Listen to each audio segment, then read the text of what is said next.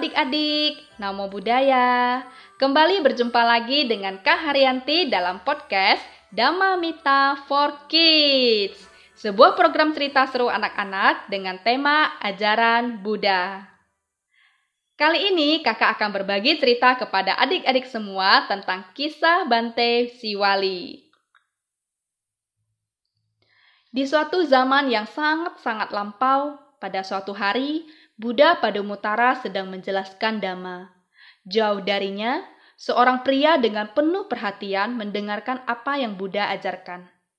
Dalam penjelasan tersebut, Buddha mengatakan bahwa ada beberapa siswa yang menempati tempat yang utama karena mereka telah beraspirasi untuk mencapai status tersebut di masa lampau. Salah satunya adalah ketika Buddha Padumutara mengatakan bahwa seorang siswanya yang terutama dalam mendapatkan persembahan. Pria tersebut sangatlah terkesan dengan biku itu, dan dalam dirinya muncul pemikiran, "Aku pun ingin menjadi seperti biku tersebut." Dan kemudian ia mengundang Buddha bersama para biku untuk menerima dana makanan. Ia mempersembahkan dana makanan dengan baik, dan di hadapan Buddha Padumutara ia berucap, "Oh Bante, dengan ketulusan persembahan ini, Aku tidaklah mengharapkan kekayaan di masa yang akan datang. Yang aku harapkan adalah menjadi siswa yang terutama dalam mendapatkan persembahan di masa depan ketika seorang Buddha muncul ke dunia ini.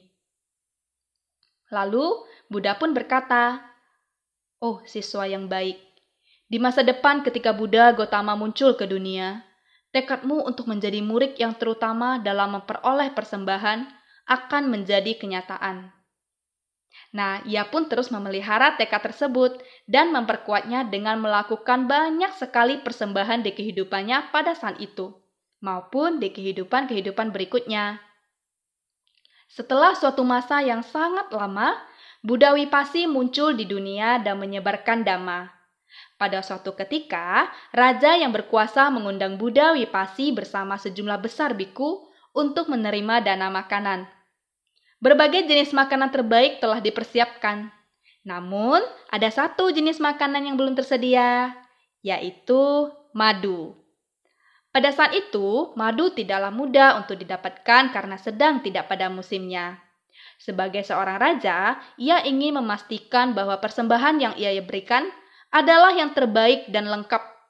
Sehingga ia mengutus seseorang untuk mencari madu ke seluruh penjuru kota.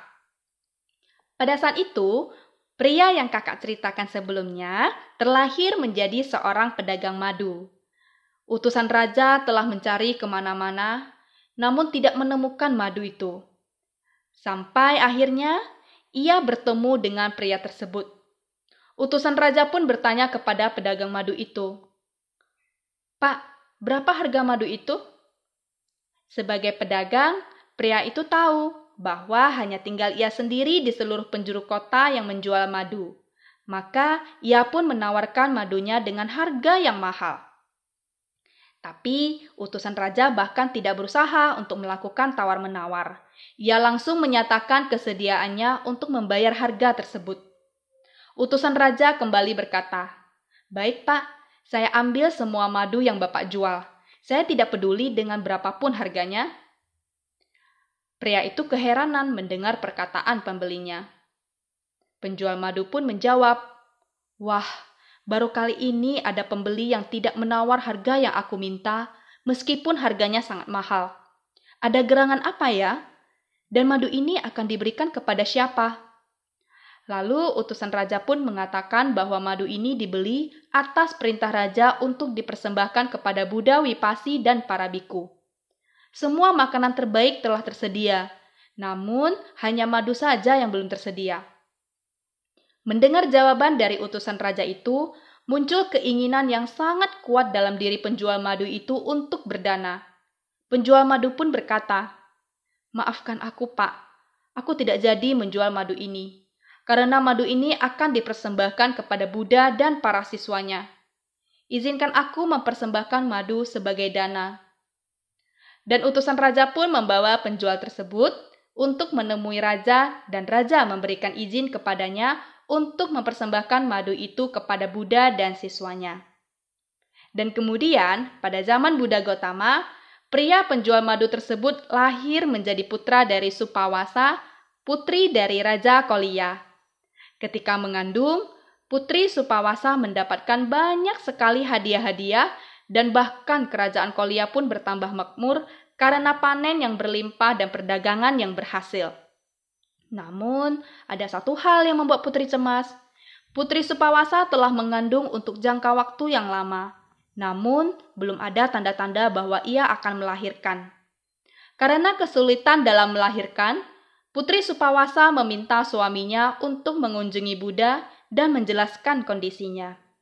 Buddha pun kemudian berkata, Semoga Putri Supawasa terbebas dari penderitaan, dan semoga ia melahirkan seorang putra yang sehat. Dan tak lama kemudian, Putri Supawasa pun melahirkan seorang putra. Putra ini diberi nama Siwali. Untuk merayakan kelahiran putranya, Putri Supawasa memberikan persembahan makanan kepada Buddha dan siswanya selama tujuh hari berturut-turut. Si wali tumbuh menjadi seorang pangeran yang senantiasa diberkati dengan keberuntungan. Suatu hari, Putri Supawasa mengundang Bante Sariputta dan biku yang lain untuk menerima dana makanan. Dan ketika Bante Sariputta melihat si wali, ia pun berbicara dengannya dan Pangeran Siwali menyatakan keinginannya untuk menjadi biku. Sang ibu, yaitu Putri Supawasa, memberikan restu setelah mengetahui keinginan putranya.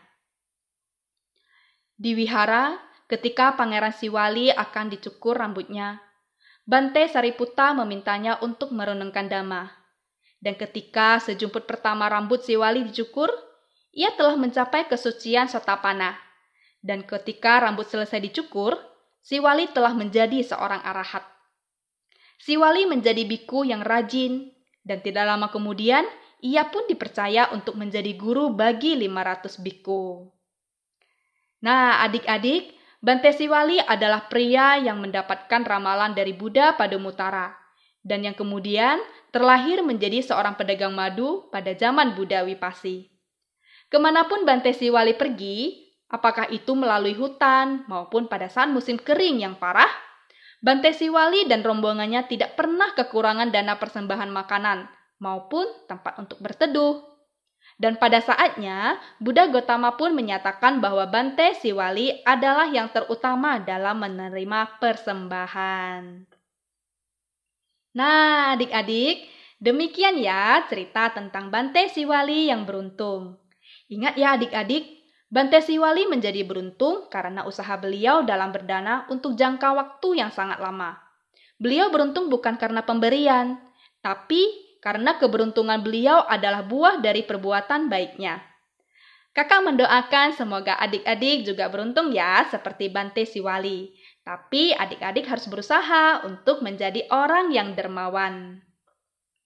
Sampai di sini ya cerita dari Kak Haryanti. Kita bertemu kembali minggu depan dengan cerita yang tidak kalah seru. Dan jangan lupa untuk terus mengikuti channel Dama Mita for Kids dan beritahu teman-teman tentang Dama Mita for Kids supaya nanti kalian bisa bersama-sama mendengarkan cerita-cerita seru ya. Salam meta dari kakak untuk kalian semua. Semoga adik-adik berbahagia. Semoga kita semua berbahagia dan semoga semua makhluk berbahagia.